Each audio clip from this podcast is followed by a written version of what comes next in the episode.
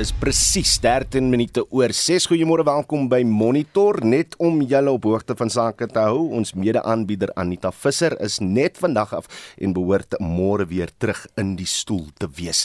So kom ons begin met 'n nuusoorseig. Eh, die koerante se hoofopskrifte is uiteenlopend vanoggend. Joan Marie, wat haal vanoggend die voorblaaie? Rou die wêreld se oë steeds op die konflik tussen Rusland en Oekraïne. Ons moes vlug berig beeld vanoggend en dit handel oor angstige Suid-Afrikaners eh, in Kharkiv in Oekraïne wat daarin kon slaag om sowat 1500 km per trein te reis. Dis omtrent 3 of 4 treine wat hulle moes vat om na Hongarye te vlug. 'n Ander opskrif in die verband lui dit het 'n situasie geskep waar buitelanders nie onmiddellik kon deurgaan nie. Dan is die ondersoek na beweringe van seksuele wangedrag teen die Wes-Kaapse voormalige minister van gemeenskapsveiligheid, Albert Fritz, ook in die kollig. Die burgerberig klaars sê Fritz soek seks en soene. Meer hieroor binnekort in die program. In ander nuus, die Hooggeregshof in Pietermaritzburg het gister beslis dat die afhandeling van koning Goodwill Zwelithini se testament gestaak moet word. The Witness in KwaZulu-Natal berig hieroor. Court backs Missy Zulu. Die Herald in die Ooskaap se voorblad storie handel oor die bevindinge in die derde deel van die staatskaping verslag. Former Correctional Services boss Linda Md was captured by Bosasa. Die is ook onderwerpe wat aandag trek op sosiale media. Bosasa, Zondo en Gwede Mantashe is van die hitsmerke wat die meeste op Twitter gebruik word. Dis nou al sedert gister. Dan praat mense ook oor Russia Today. Nou dit nadat die nuuskanaal gisteraand onverwags van die lug afgehaal is. MultiChoice het bevestig dat die kanaal tot verdere kennisgewing nie op uh, sy DStv pakket uitgesaai sal word nie en dis glo weens Europese sanksies wat Russia Today se uitsaai toevoer wêreldwyd beïnvloed. Nou die EFF het in 'n verklaring uitgevaar teen MultiChoice. Die party beweer dis teenstrydig met mediavryheid, maar kyk so na van die ander uh, internasionale opskrifte en The Independent berig byvoorbeeld dat Sky TV ook Russia Today verwyder het. En intussen word MultiChoice vir 'n ander rede ook bespreek. Hmm en dit nadat die uitsaaier aangekondig het dat hy nie sy kontrak met E-Media sal hernie nie. Vanaf 1 April sal vier kanale, insluitend E-Movies en E-Extra, nie meer op die DStv pakket beskikbaar wees nie. Baie interessant inderdaad. Kom ons bly nou met jou want uh, ons luisteraars vra wie waar waar waar toe jy gaan nie. Ons luisteraars vra Jody fokus vanoggend op 'n versoek dat die sogenaamde suikerbelasting afgeskaf moet word. Dis reg en ons wil uh, by jou weet, het jy sedert die belasting in 2018 in werking getree het, jou gewoontes enigstens aangepas? Glo jy in die wetenskaplike navorsing dat oormatige suikerverbruik jou gesondheid kan benadeel? Haal jy nog geld uit vir drankies met 'n hoë suikerinhoud of drink jy na dese net water? Vertel ook hoe jy jou kinders kry om minder koeldrank te drink. Nou stuur vir ons 'n uh, SMS, die nommer is 45889. Dit kos jou R1.50. Die WhatsApp lyn is oop. Hy werk. Ons wag vir jou. Daai nommer 076 536 6961 en dan kan jy ook natuurlik gaan saampraat op ons Facebookblad Monitor en Spectrum op RSG. Nou kan jy uitglip in 'n koppie koffie met of sonder suiker te maak. Marie is later terug. Inwoners van Rodepan in Kimberley leef in vrees weens 'n groot toename in skietvoorvalle in die woonbuurt. Die gemeenskap skryf dit toe aan groeiende bendegeweld oor grondgebied om dwelms te verkoop. Inwoners beskuldig die polisie daarvan dat hulle min doen om die groeiende krisis aan te spreek. Reginald Witboy berig. 'n Aantal skietvoorvalle het albei die woonstelblokke in Rodepan oor die afgelope paar maande plaasgevind. Verlede jaar was die 49-jarige Samuel Gewers se huis verkeerdelik geteken. Teen die tyd was die pa van 5 saam met sy familie in die huis toe 27 skote afgevuur was. Gelukkig was niemand beseer nie. Gewers verduidelik. Nou daar by die voordeur is 9 skote deur geskiet randomly boer my kinders, boer die speakers en die TV. En uh skoot het rondgehardloop in die woonstel en jy gaan nog eens sien die woonstel klom gat daar binnekant. My buurvrou Alin het die polisie geskakel. Roerepan polisiestasie, maar niemand het opgedag nie. Die eerste persoon wat opgedag het by toneel was Colin Johnson, die bevelvoerder. Het my kom gevra of die polisie nog hier gewees het. Niemand nie. In die jongste voorval was een persoon doodgesteek. Nog 'n persoon was geskiet en veg om sy lewe in die hospitaal. Gemeenskapslede wil hê die polisie moet die gebied gereeld patrolleer en die aanvalle stopsit. Daarom doen ek 'n beroep vanmôre op ons polisie beamptes. Staan ons tog by. Want ons praat vanmôre hier as ouers. Ek praat as 'n ouer vanmôre. Praat ek as 'n ouer. Staan ons by want môre oor môre kan dit by my buurvrou wees, dit kan waar wees. En dan wat staan ons te doen as hulle nie kan vir ons help nie? Ander inwoners sê hulle leef in erge vrees. Ons het klein kinders hier rondom ons flitse. Ons ken nie goed as hulle, hulle ken hulle self. Kom hulle van daar af, ek kom skiet hulle. Kyk wat Sondag gebeur het. My man was eens by die huis. Ons kan nie eens uitgaan nie. Ons moet lê op die vloer vir die ding wat hier gebeur het wat die skietery, dit was nie net een of twee keer geskiet nie. Dit was 4, 5 keer geskiet. Ek is in die weermag. Maar weer die polisie van Rodepan. Hulle se optrede is bitter bitter bitter bitter swak. Ek meen as daar skietgevalle is, waarom kom jy nie onmiddellik hier? Maar nou kom jy onmiddellik dat jy ook nog bangerig om dood te gaan. Dis aan jou werk. Jy moet doodgaan om jy doodgaan. Hæ? Jy is 'n soldaat. Jy's 'n polisieman. As daar geskiet word, dan gaan jy daar. Want jy moet die gemeenskap voorsien. Laat Becky Telle kom na hy die geveg doen. Die polisie ontken dat hulle die gebied verwaarloos en sê ondersoeke na alle voorvalle gaan steeds voort. Intussen dreig gemeenskapslede om die reg in hulle eie hande te neem sou hulle pleidooie op dowe ore val. Ek is Reginald Witboy in Kimberley. Die Menseregte Kommissie sê sy openbare sittings oor die Julie 2021 onluste in Gauteng en KwaZulu-Natal het gehoor dat die land reeds vasgevang was deur die verlammende gevolge van die COVID-19 pandemie. Navorsers wat gister voor die kommissie in Sandton in Gauteng verskyn het, sê 18% van Gautengers het hulle werk in Maart 2020 verloor. Soweto en Alexandra Township is ernstig benadeel deur die onrus wat ook sommige ondernemings se doodskoot beteken het. Annelien Moses doen verslag. Die navorsingsgroep die Gautengse City Region Observatory het 'n meningsopname gedoen oor die lewensgehalte in die provinsie. Dit het dit toe in vergelyking gebring met die lewenskwaliteit tydens die COVID-19 pandemie en na die Julie 2021 onluste. 'n Navorser Dr Mamuketi Machomani sê talle inwoners, veral swart mense, het hulle werk verloor terwyl ander se salarisse gekrimp het. Males and more educated people were most likely to report reductions in salary and working hours. The percentage, the proportion of black Africans who actually experienced reductions in salary and working hours was sitting at 29% as compared to colored and white respondents. And then when we look at differentiations between a sex, we see that males were more affected by a reduction in salary and working hours. And we see that people who have matric and post matric education were actually affected by this. Sy sê die impak van COVID-19 het getoon dat diegene in laer inkomste groepe meer stresvolle lewensomstandighede ervaar het. Looking at the impact of COVID in terms of the income groups, we see that COVID 19 has driven lower income households into poverty. So, if you look across the results from the 2015 16, the 2017 18, and the current iteration of the survey, you actually see that uh, some of the lower income respondents have actually been pushed into the lower rungs of the income category. Volgens Machumane het die impak van die pandemie meer ernstige gevolge ingehou vir diegene wat reeds sosio-ekonomiese probleme ondervind het. Sy sê talle het in wanhoop verval. So we asked two questions. The one question was whether people had little interest or pleasure in doing things And the other question was whether they felt down or depressed or hopeless in the past few days. So those that scored zero to two were at low risk of depression, and those that scored three and above were at high risk of depression. From our quality of life results, we see that depression has actually increased from 12% in 2017 18 to 14% in 2020-21 and people that were at high risk of depression were increasing. Die Menseregte Kommissie ondersoek die redes en gevolge van die onluste wat meer as 350 lewens geëis het in KwaZulu-Natal en Gauteng. Meer as 50 miljard rand se skade is aangerig.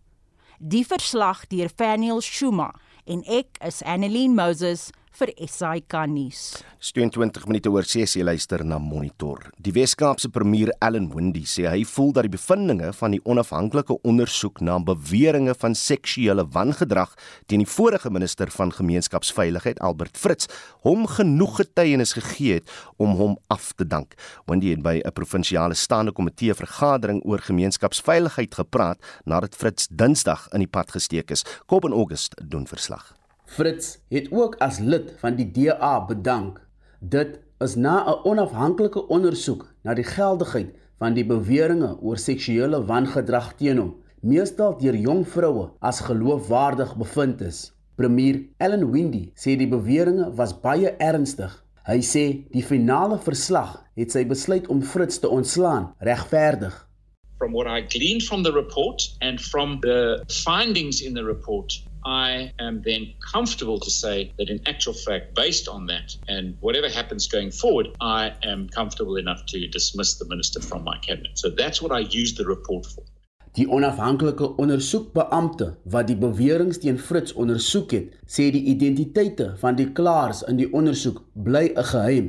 Advokaat Jennifer Williams sê sy glo nie dat dit nodig is dat die spesifieke besonderhede van die voorval bekend gemaak moet word nie omdat dit die privaatheid van die in gevaar kan stel.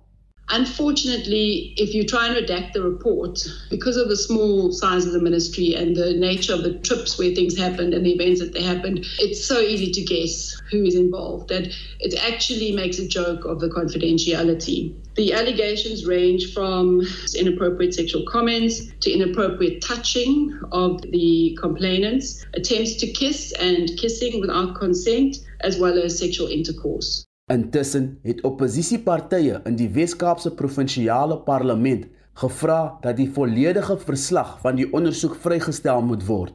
Die leier van die ANC in die provinsiale parlement, Cameron Dugmore, sê hulle het meer besonderhede oor die verslag nodig. By getting details of how all of this was facilitated, I would argue we begin to deal with the problem. So it's not wanting salacious details, it's wanting to know was there facilitation from bodyguards? Was there facilitation from ministerial staff? Was there facilitation from heads of department? How were people recruited, etc., etc. So let's not underestimate the importance of us digging deep on this issue so that we actually deal with how these things could have happened. Albert Fritz het in 'n openbare verklaring gesê hy beplan om die verslag te laat hersien en het die ondersoek as onvoldoende beskryf. Windy het Fritz se uitlatings dat die beweringe en die ondersoek 'n politieke veldtog teen hom is, verwerp. Die polisie sê geen formele klagte is aanhangig gemaak nie. Ek is Coben August in Kaapstad. Die 2023 Netbal Wêreldbeker toernooi wat in Kaapstad gaan plaasvind, sal deur die SAIK Supersport en Telkom se stromingsdiens uitgesaai word. Netbal Suid-Afrika het die grootste uitsaaiers ooreenkoms in die geskiedenis van die Netbal Wêreldbeker met die rolspelers onderteken. Vincent Mofokeng het meer besonderhede. Die 2023 Netbal Wêreldbeker toernooi sal die 4de grootste internasionale sportgeleentheid wees wat die land sal aanbied na die Cricket Wêreldbeker in 2003, die 1995 Wêreld Rugbybeker en die 2010 Sokker Wêreldbeker. Dit sal ook die eerste keer wees dat 'n Netbal Wêreldbeker in Afrika aangebied word. In die verlede is wedstryde van verskeie netballigas en toernooie waaraan die nasionale span deelgeneem het hoofsaaklik op supersport uitgesaai. Maar die ooreenkoms vir die wêreldbeker regte sal tot gevolg hê dat die wedstryde ook regstreeks op die SAIK en Telkom se stromingsdiens uitgesaai word. Die president van Netball Suid-Afrika, Cecilia Molokwane, sê die transaksie is die grootste ooit, maar sy het nie die geldelike waarde daarvan bekend gemaak nie. The broadcast deal has been signed and is the biggest broadcast deal ever. Because this time around, it's Supersport, it's SABC, yeah. and it's Telcom. So it's the biggest ever because we see Supersport, our own. They've been our partner for years. When nobody believed in netball, they believed in us. And SABC, which is a national broadcaster, is saying we want to partner with you and take this to the people. Die bestuurshoof van Wêreldnetbal, Claire Briegel, sê die ooreenkoms ondersteun hul strategie om die sport te laat groei.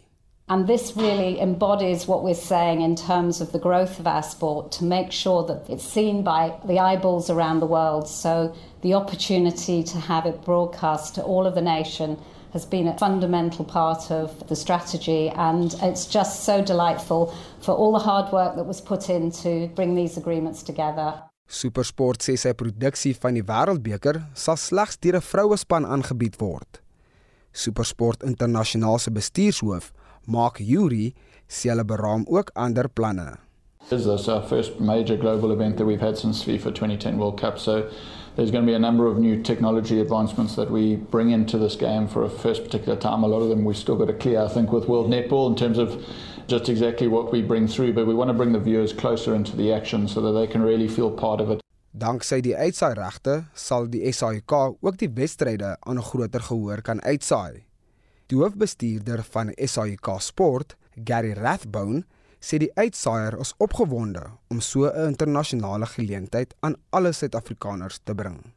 As the national broadcaster, it just makes sense that we are bringing such an important national sport, such an important national event, to make it available to all South Africans. You know, that really is so much about what we are. And I think as well, it just it, I'm very glad the way that we've all been able to come together. You know, the combination between SABC, SuperSport, and Telkom. You know, to do this to make sure that nobody can miss out of seeing the national team in action. 60 wedstryde van die Netbal Wêreldbeker toernooi sal vanaf die 28ste Julie tot die 6de Augustus by die internasionale konferensiesentrum in Kaapstad gespeel word. Die verslag van Percy Nkatlo in Johannesburg. Ek is Vincent Mufokeng vir SAI Garnis. Transgender mense het begin om skarebefondsing in te span om vir hulle geslagsveranderingsoperasies en toegang tot mediese sorg te betaal. Die gemeenskap het hul het hulle lewenslesse en wat die toekoms vir hulle inhou met Reginald Witboy gedeel. Die aktivis Sif Grayson sê daar is baie persone wie alleen voel, maar daar is 'n spesiale plek om veilig te wees. When I think about my 13 year old self, which is when I connect to my inner child, that's usually 13 is the age that I go to. It's when I came out to my mom, it's when I started to come into my being as a as a person, you know, it's when I was like whenever I think about that that kid, I just think about how lonely they were. Like um, they just felt so they felt so lost. Um, they didn't know who they could talk to. They they didn't know if they were allowed to feel what they were feeling. They they didn't know where it come from. They you know they were so alone. Um, and I don't know how to speak a hug. You know, like I I think that kid just needed someone to come and physically hold them Dr Anastasia Thompson sê sy sien baie pasiënte van die LGBTQI gemeenskap en almal dra ietwat van 'n seer. Through my childhood and out of it, of that there is something wrong. I mustn't be seen. I must be afraid. I've done something wrong just because of who I am. Not a decision I made, not something I said, not something I did, just because of who I am.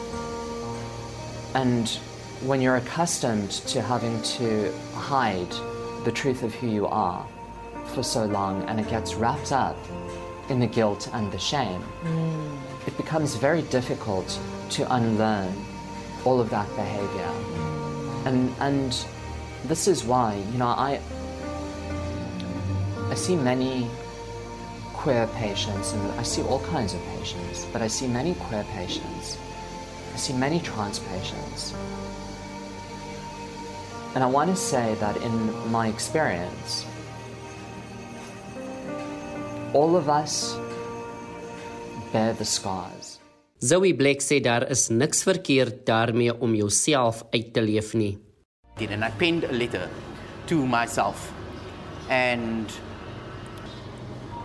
I think part of that letter to myself was saying the things to myself that I wish I had heard when I was younger.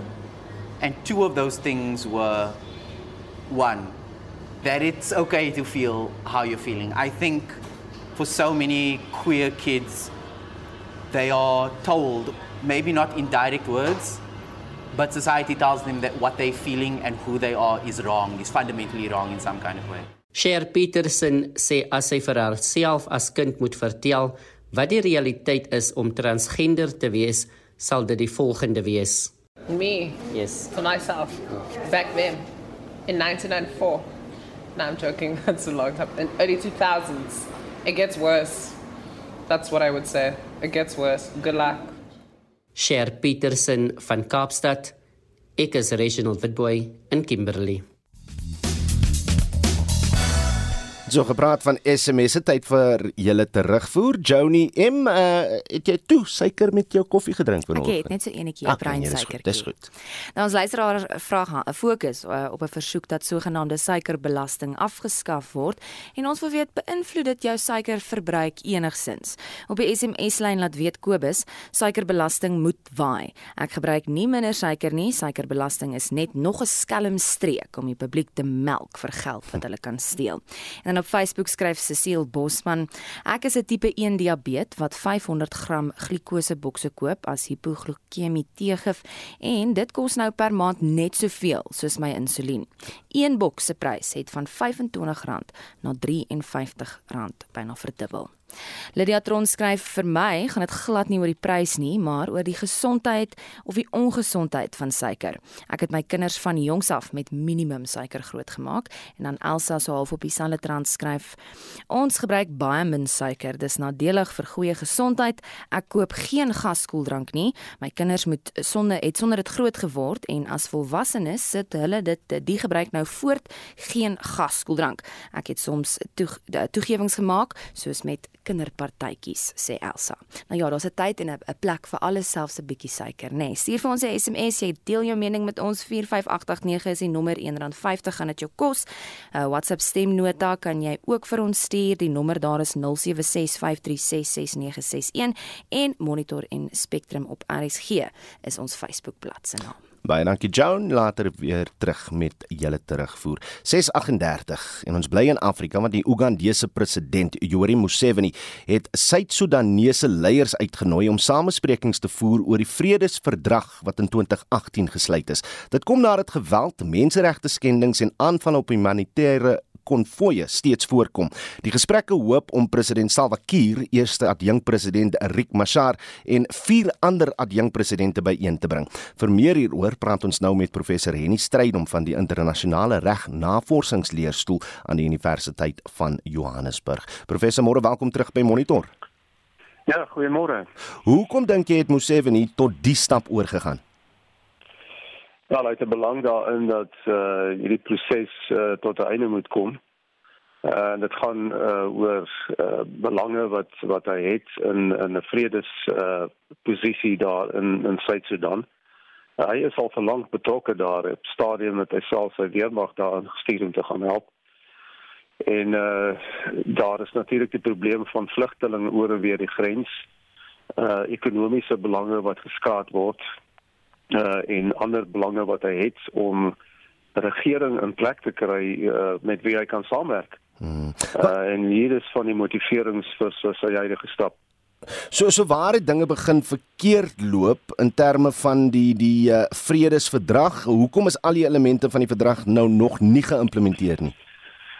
Ja, een van die probleme en ek dink dis waarskynlik die grootste probleem is omdat uh dit gaan oor geweldige wetywering tussen die verskillende faksies oor wie kry watter poste in die regering en wie gaan uh, mag uitoefen oor wat in die nuwe regering.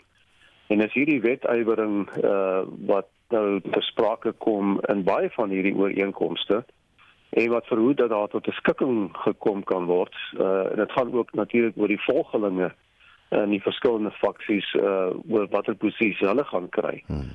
Uh en op hierdie manier uh verongeluk dit natuurlik die implementering van so 'n proses. En dit is ongelukkige faktor wat mense sien in baie uh, gevalle in Afrika waar ooreenkomste gesluit is vir samewerkende regering. Yoweri Museveni het nou ten minste uh, bewerkstellig dat Kier en sy politieke opponent Machar amptelik oor vrede in gesprek sal tree. Hoe groot is hierdie verwikkeling en en wat verwag ons nou dat hulle opnuut 'n uh, 'n uh, nuwe uh, uh, verdrag bymekaar sal sal bring? Ek sien is 'n belangrike stap dat hierdie twee ehm um, wetwywerende faksies wat 'n belangrike rol speel in die hele proses bymekaar kom om daaroor te praat. Ek dink dit gaan hier oor 'n nuwe ooreenkoms nie. Uh, ek dink die bestaande ooreenkoms is nog steeds die een wat uh, aanvaar is en aanvaarbaar is vir vir baie van die uh, van die rolspelers en ook vir die internasionale gemeenskap. Uh en dit gaan waarskynlik nou om uh weet daadwerklike stappe uh te neem uh en ook die die samewerking van hierdie partye te kry vir 'n vir 'n spoedige en effektiewe implementering van die hele ooreenkoms. Hulle is politieke opponente, maar hoekom is die stryd so vel en gaan dit met soveel bloedvergieting gepaard, uh, prof? Dit gaan oor die wetwyering. Uh, Daar's baie op die spel vir beide van hulle. Uh dat magsposisies uh in in soort van uh die posisies wat wat die volgelinge ook moet kry van hierdie van hierdie leiers. Uh, en natuurlik is daar natuurlik altyd elemente wat so 'n situasie uitbuit en dit is waarom mense hierdie geweld kry uh waar jy uh, pogings kry om oppositie uh of lede van oppositie faksies uh, te elimineer. En natuurlik die ander groot faktor waarom dit gebeur, ons sit hier met 'n baie baie swak staat waar die instellings uh, nie behoorlik funksioneer of, of disfunksioneel geraak het. Uh en uh wat natuurlik nie in staat is om behoorlike wet en orde te handhaaf nie. Reg, die volgende verkiesing word volgende jaar voorspel as ek reg is. Wat sou gebeur indien hierdie samesprekings nie vlot nie? Wel, dan is die verkiesing in gevaar. Uh dan kan dit op 'n op 'n rampspoedige verkiesing of geen verkiesing uitloop nie. Uh en ek dink dit is ook een van die faktore wat Museveni in in in gedagte het. Uh uh, en dat hy wil verhoed dat dit gebeur. So daar moet nou op hierdie stadium 'n uh, behoorlike verkiesingsproses aan die gang 'n uh, vredesproses aan die gang kom om te verhoed dat uh, die omstandighede so versleg dat 'n verkiesing uh, uitgereël moet word. En dan net so op 'n ander vlakkie vee net menseregte skendings en aanvalle op humanitêre konvoë skerp veroordeel. Wat kan die internasionale gemeenskap doen om te help met die vredesproses? Nee, af 'n uh, internasionale gemeenskap is natuurlik voortdurend met diplomatieke uh, aksies besig om om vrede te bring. Maar daar is 'n ander faktor wat uh, in aanmerking geneem moet word uh, en en dit is die die verantwoording doen vir hierdie dade. Die persone wat verantwoordelik is vir hierdie vergrype uh, moet eenvoudig aan die man gebring word uh, en daar moet vervolgings ingestel word en uh, daar is reeds beroepe in hierdie verband gedoen op die partye om uh, in in hierdie rigting te werk. Hmm. Uh, want solank dit nie gebeur nie, uh, gaan dit voortduur. En dit was professor Henny Strydom van die internasionale reg navorsingsleerstoel aan die Universiteit van Johannesburg. 644 Rusland toe gaan ons nou en Rusland se aanval op Oekraïne wat week twee betree, het ekonomiese sanksies vanuit die weste ontketen. Amerika en sy bondgenote, die Verenigde Koninkryk, die Europese Unie en Kanada sê dit is Rusland se straf uh, en om die militêre vooruitgang van sy inval te stuit. Japan, Taiwan, Nieu-Seeland en Switserland het ook op hulle beurt verskeie sanksies aangekondig. Vir meer oor wat die sanksies vir Rusland beteken, praat ons nou met 'n beleggingsekonoom van PSG, Dawie Klopper. Dawie, goed om jou terug te hê môre. Goeiemôre Oude. Gee ons net so 'n blik op op wat die sanksies wat Amerika en sy bondgenote teen Rusland ingestel het. Gee ons net so 'n blik daarop. Ja, dit is nogal omvangryk reeds. Dis meestal finansiëel van aard. Dit gaan hulle ekonomie benadeel. Veral vir 'n oop ekonomie is dit sleg om met hierdie sanksies um, te handel.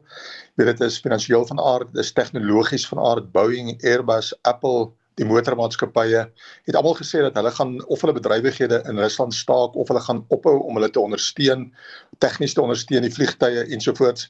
Ehm um, daar is die sogenaamde welvaartsfonds van ehm um, Rusland word geteken. Hulle sê dit is meestal Putin se geld wat daarin opge ehm um, opgeneem is. Hulle gaan ehm um, sekere vername politieke individue en sakemanne sanksioneer. Die FSA sal staak om FSA dollar transaksies te doen en die FSA dollar wat dan nou die wêreld se reserve geldeenheid is en Rusland hou omtrent 50% van sy reserves in FSA dollar gaan dan nou sukkel om te transakteer. Hulle gaan sport ook nog boonop beïnvloed. Ehm um, hulle gaan sport ehm um, by inkomste staak, hulle gaan sportmense verbied om in die res van die wêreld deel te neem. Die Grand Prix gaan geskei word. 'n Klomp sulke goed hmm. gaan gebeur en so kan ek aangaan. Ehm um, dit is redelik omvangryk. Kom ons luister gou net na die woorde van Daria Kalenjuk, eh, die hoof van die Oekraïense Anti-korrupsie Sentrum vir Aksie wat tydens 'n media-konferensie die volgende te sê gehad het aan die Britse premier Boris Johnson. So you're coming to Poland, you're not coming to Kiev, Prime Minister. You're not coming to Lviv. Because you are afraid, because NATO is not willing to defend, because NATO is afraid of World War III, but it is already started. And these are Ukrainian children who are there taking the hit. You're talking about more sanctions, Prime Minister, but Roman Abramovich is not sanctioned. He's in London. His children are not in the bombardments. His children are there in London. Putin's children are in Netherlands, in Germany, in mansions. Where are all these mansions seized? I don't see that. Nou dit was 2 dae terug Dawie. Sy praat in die klankgreep van onder andere Roman Abramovich, die eienaar van staalvervaardiger Evras, die voormalige eienaar van gasmaatskappy uh, Sibneft, 'n man wat 14 miljard dollar werd is. Die feit dat hy nou besluit het om die Engelse Premier Liga uh, Liga sokkerklub Chelsea te verkoop uh, en daai nuus het nou uh, oornag deurgekom, dink jy dat dit enigiets te doen met die sanksies wat in plek gestel is teen sekere Russiese sakemanne? Ja, dit het waarskynlik daarmee te doen weet hy sê hy gaan hierdie geld wat hy kry vir Chelsea skenk aan ehm um, die Oekraïne. So dit is miskien 'n teken of 'n sein wat hy stuur probeer stuur vir Putin om te sê stop hierdie dinge, jy weet, die druk neem toe op hulle as besigheid en as besigheidsmande en hulle is waarskynlik nie meer baie gewild uh, oral waar hulle kom nie, soos hy ook dan nou sê, weet hulle is daar ver uit Rusland uit, maar ek dink daar waar hulle is, is hulle nie baie gewild op hierdie oomblik nie. So gaan dit help uh, gaan dit vir Putin stop? Ek wonder of dit hom gaan stop op hierdie stadium. In die tussentyd, hoe sal die sanksies die Russiese uh, verbruiker beïnvloed veral in terme van die uh, wisselwerking met buitelandse geldeenhede? Ja, um, die verbruiker sal baie duurder betaal vir sy invoere ons het gesien dat die roebel het wesentlik verswak. Nou wel nie net tydens die oorlog nie van selfs rukkie voor die oorlog af die mark het maar hierdie geneigtheid om hierdie goed voor die tyd in te prys, maar die roebel het byvoorbeeld verswak van 60 roebel teen die dollar tot 104 ehm um, roebel teen die dollar die afgelope tyd. Ehm um, dit beteken dat as mens dit net in Suid-Afrikaanse eh, konteks kan stel dit dit is soos wat die rand van R15 na R26 toe verswak. 'n 73% verswakking wat plaasgevind het. So dit beteken alles wat jy invoer gaan duurder kos. Die gevolg was ook dat rentekoerse begin styg het van 9.5 na 20% toe. Met ander woorde sy skuld gaan drasties verhoog. Produkte gaan skaars word. Die individue word beperk tot die hoeveelheid kontant wat hulle uit die banke uit kan trek. En in die 1990s het die sanksies teen Irak die morat mortaliteit van kinders onder 5 jaar um omtrent laat verdubbel. Hmm. So die ongelykheid gaan verhoog. Daar gaan voedselskaarsheid aan die orde van die dag wees en teenstanders van Putin word natuurlik in hegtenis geneem en verdwyn sommer net. So hmm. die verbruiker word nogal ernstig hierdeur geraak. Jy het nou in jou eerste reaksie genoem Amerika en sy bondgenote sal voortaan ook nie meer sake doen met die Russiese sentrale bank nie. Watter gevolge sou dit eintlik inhou? Ja, dit gaan dit gaan ehm um, die die gladde werking van die stelsel van in en uitvoere baie vermoeilik. Punt nommer 1. Hulle gaan ook die ehm um, Swift stelsel begin afskakel. Dit is 'n stelsel wat dit moontlik maak om internasionale transaksies te kan doen. So dit alles gaan daartoe lei dat likwiditeit ten opsigte van Rusland se finansiële omgewing opdroog en um, hulle het wel daarvoor beplan dat hierdie goed gaan gebeur. So hulle het baie reserves opgebou maar en hulle gaan dus vir 'n rukkie kan uithou, maar dan gaan hulle weer moet begin kapitaalbeheer toepas. So hierdie ehm um, hierdie situasie ehm um, oor die algemeen gaan dit vir Rusland se sentrale bank moeiliker maak om te funksioneer. Dit gaan vir die banke dit baie moeiliker maak om te funksioneer en dit gaan ook uitvoere van hulle van hulle kant af na die res van die wêreld toe baie moeiliker maak. Jy weet hulle is groot uitvoerders van olie, van gas en dan van palladium en dit het baie beperk, hmm. baie ehm um, spesifieke ehm um, impakte ehm um, vir daardie markte waarin toe waarna toe hierdie goed uitgevoer word. Die sentrale bank het maandag sy rentekoers met meer as dubbel die koers tot 20% aangepas. Sou sou nog verdere aanpassing volg? Is dit 'n traject wat nou net uh, gaan vererger oor die oor die volgende uh, maande of, of of so? Mense kan sou kon dink verdere rentekoersverhogings sal glad nie uitgesluit wees nie, veral as die oorlog nou verder uittrek. Ehm um, en soos wat die sanksies byt en likwiditeit opdroog, gaan hulle dalk gedwing word om hulle rentekoerse verder te verhoog. Ehm um, ja, die die feit dat likwiditeit opdroog daar is 'n groot negatief vir ook hulle rentekoersbeleid en die manier hoe hulle gaan probeer om hulle stelsel te beskerm. En dan die die, die groot vraag uh meneer is net sal die sanksies Rusland se vermoë om oor te gaan tot 'n volskaalse oorlog in die wielery. Ek dink nie dit sal sommer nie, dit gaan nie vir Putin sommer stop nie. Dit kan eerder daartoe lei ehm um, dat sy houding gaan verhard hy kan sien dat die sanksies, hy kan dit as sag beleef, as swak beleef. Hy soek respek. Ehm um, en en hy word nou as te ware gekanselleer. Hy's kwaad. Hy kan irrasioneel optree. Ons het in die verlede gesien dat sanksies nie Rusland in die 1980s gestop het om voort te gaan met die Koue Oorlog nie. Saddam Hussein is nie gestop ehm um, het van sy ehm um, om om om van sy planne afgesien nadat daar sanksies in 1990 op hulle ingestel is nie. Hulle het voortgegaan met sy bedrywighede. So nee, ehm um, ek kan nie ek is nie vol vertroue dat hierdie vir Putin gaan stop nie tensy hy 'n uitkoms gegee gaan word in onderhandelinge wat hom goed sal laat lyk.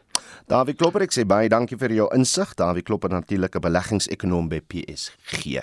8 minute voor 7 en ons bly by die storie. Rusland is verbied om aan internasionale ijskaats, hokkie, basketbal en sommige tennisbyeenkomste deel te neem. Vincent Mofokeng het met die sportregkenner professor Steve Cornelius aan eh, die Universiteit van Pretoria gepraat om die sanksies in konteks te plaas. So ek dink om mee te begin, het FIFA reeds aangekondig dat Rusland uitgesluit word uit kompetisies. Ek het gesien Wêreld Rugby dieselfde gedoen en ek het sopas gesien dat Formule 1 het ook aangekondig dat die Russiese renjaer ook nie aan die eerste wedrenne daar sal kan deelneem nie. Ek dink die belangrike ding om in ag te neem is dat baie lande nou in reaksie op die aanvalle ekonomiese sanksies ingestel het teen Rusland en as gevolg daarvan moet die sportliggame wat in daardie lande is ook aandag gee daaraan want ons kan nou maar altyd sê sport en politiek moenie meng nie maar ek dink in ons eie land het ons gesien dat dis eintlik onmoontlik om sport en politiek uitmekaar uit te hou en dat die twee altyd saamgaan. En ongeag hoe sterk of hoe ryk 'n sportfederasie is hulle is tog maar nog altyd afhanklik van staatshulp op een of ander manier. Of dit nou ekonomiese hulp is of verskaffing van polisiedienste tydens wedstryde of selfs net die prosesering van visums vir deelnemers. Sportliggame is maar altyd tot 'n mate afhanklik van die staat. En as 'n bepaalde land dan besluit daar word sanksies ingestel, dan is dit baie moeilik vir die sportliggame om nie ook maar te volg in die voetstappe met dit nie. So ek dink dis die groot ding. As ons terugdink na die vorige keer wat daar 'n groot sportboikot teen Rusland was was 1980 met die Olimpiese spele toe Rusland Afghanistan binnegeval het. En in daai geval ook die FSA het byvoorbeeld vir die sportfederasies gesê julle moet self besluit. Maar die implikasie was as julle Moskou toe gaan, moet julle verstaan julle kry nie staatshulp op enige manier nie. So op die ou end het die Amerikaanse Olimpiese Komitee besluit ons gaan wegbly uit Moskou uit en verskeie ander lande het dieselfde gedoen. So dit is maar daardie situasie dat daar's maar altyd so 'n uh, afhanklikheidsverhouding by die sportliggame het. En soos byvoorbeeld met die Formule 1, hulle het aanvanklik gesê hulle gaan nie 'n verbod instel nie en nou vind dit plaas in 'n land wat wel ekonomiese sanksies teen Rusland het en wat beperkings op reisdokumente vir Russe ingestel het en daarom maak dit dan onmoontlik. So die sportliggame kan eintlik hulle self nie verwyder van die politiek van die dag nie. En Steve, wat beteken hierdie sanksies dan vir die individuele sport en span sportkodes onderskeidelik? Kyk, ons moet ook onthou dat die Russe alreeds eintlik tot 'n mate in baie sportsoorte uitgesluit was voor hierdie aanvalle. Want onthou ons het daardie dwelmskandaal gehad wat voortgesprei het uit die wêreldatletiek kampioenskappe wat in Moskou was. En as gevolg daarvan en die inmenging wat daar deur die Russiese geheime diens was in daardie dwelmtoetse was baie van die Russiese sporte alreeds verban gewees en slegs hier en daar was individue toegelaat om deel te neem. So ek dink op die groot mate maak dit nie 'n enorme verskil aan die russe nie want hulle was reeds onder beperkings, maar natuurlik vir individuele deelnemers veral in die professionele sport is dit 'n groot probleem want hulle kan nou nie hulle beroep beoefen effektief nie. So 'n professionele renjaer kan nie deelneem nie. Wat die sokkerspan betref, hulle gaan nog steeds voort met hulle eie professionele liga. So dit het minder van 'n impak op hulle. Dis nou maar net wanneer dit by internasionale wedstryde kom waar hulle beperk word. So die impak wissel, maar ek dink oor die algemeen as gevolg van die beperkings wat reeds bestaan het, is die impak ek dink minder as wat 'n mens sou verwag. Nou watter atlete het na vore toe gekom en hulle self uitgespreek teen die aanvalle? En hoe sal dit hulle help om weer te kan deelneem? Ja, ek het nog nie regtig gesien dat enige Russiese atlete hulle sterk uitgespreek het teen die inval in die Oekraïne nie. Die atlete wat wel hulle sterk uitgespreek het, is atlete van die Oekraïne self. En byvoorbeeld soos Vladimir Klitschko, die bokser wat wapens opneem en wat gaan veg om sy land te verdedig.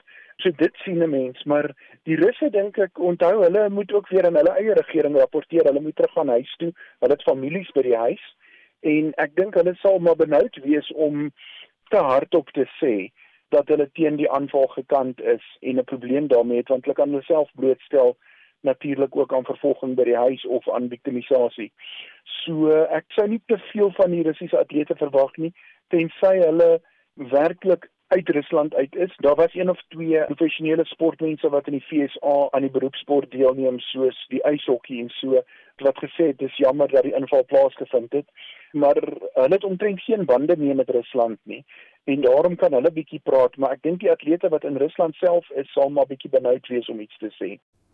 Ons sal die wêreld se grootste storie verder vat na 7 met gesasie met die Europese Unie se ambassadeur in Suid-Afrika, Rina Kionka, maar dit was professor Steve Cornelius van die Universiteit Pretoria wat in sportreg spesialiseer en hy het met Vincent Mofokeng gepraat. Tyd vir 'n bietjie terugvoer, Jody. Ja, lewe is kort, geniet elke soet oomblik, matigheid dis al, sê Diana. Lewe 'n lank lewe Salati en Hewlett sê sy. En dan uh, Kiet wat skryf ek glo uh, enige van te veel is sleg vir jou.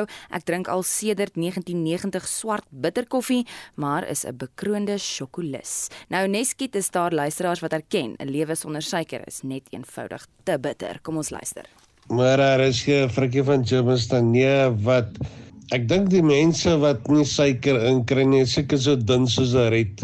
Nee, ek wil nie 'n riet wees nie, want weet jy, 'n riet, hy breek vinnig, joh. Nee, wat ek geniet maar my bietjie suiker, nie te veel nie, nie te nie te min nie, net matig. Nee wat, ek sal nie suiker los nie. Oua. Nee wat. Of ek doodgaan van suiker en of ek doodgaan van 'n hartaanval en of ek doodgaan van COVID, doodgaan moet ek doodgaan. Ek wil hê my wurmpies moet lekker vet wees. My wurmpies moet baie energie hê. Dit is kom ek vir hulle suiker gee. Au au. Woord van die dag, die jaar. nou ja, jy kan ook lekker saam praat. Stuur vir ons 'n SMS 45889 is die SMS nommer. Jy kan vir ons 'n stemnota speel. Asseblief doen ons geniet dit so om van julle te hoor. 0765366961 is daai nommer as jy hom nie by nou al uit jou kop uit ken nie. En dan kan jy ook daar lekker gaan saamgesels op ons Facebookblad Monitor en Spectrum op RSG. Nou tyd vir die jongste nuus. Awa.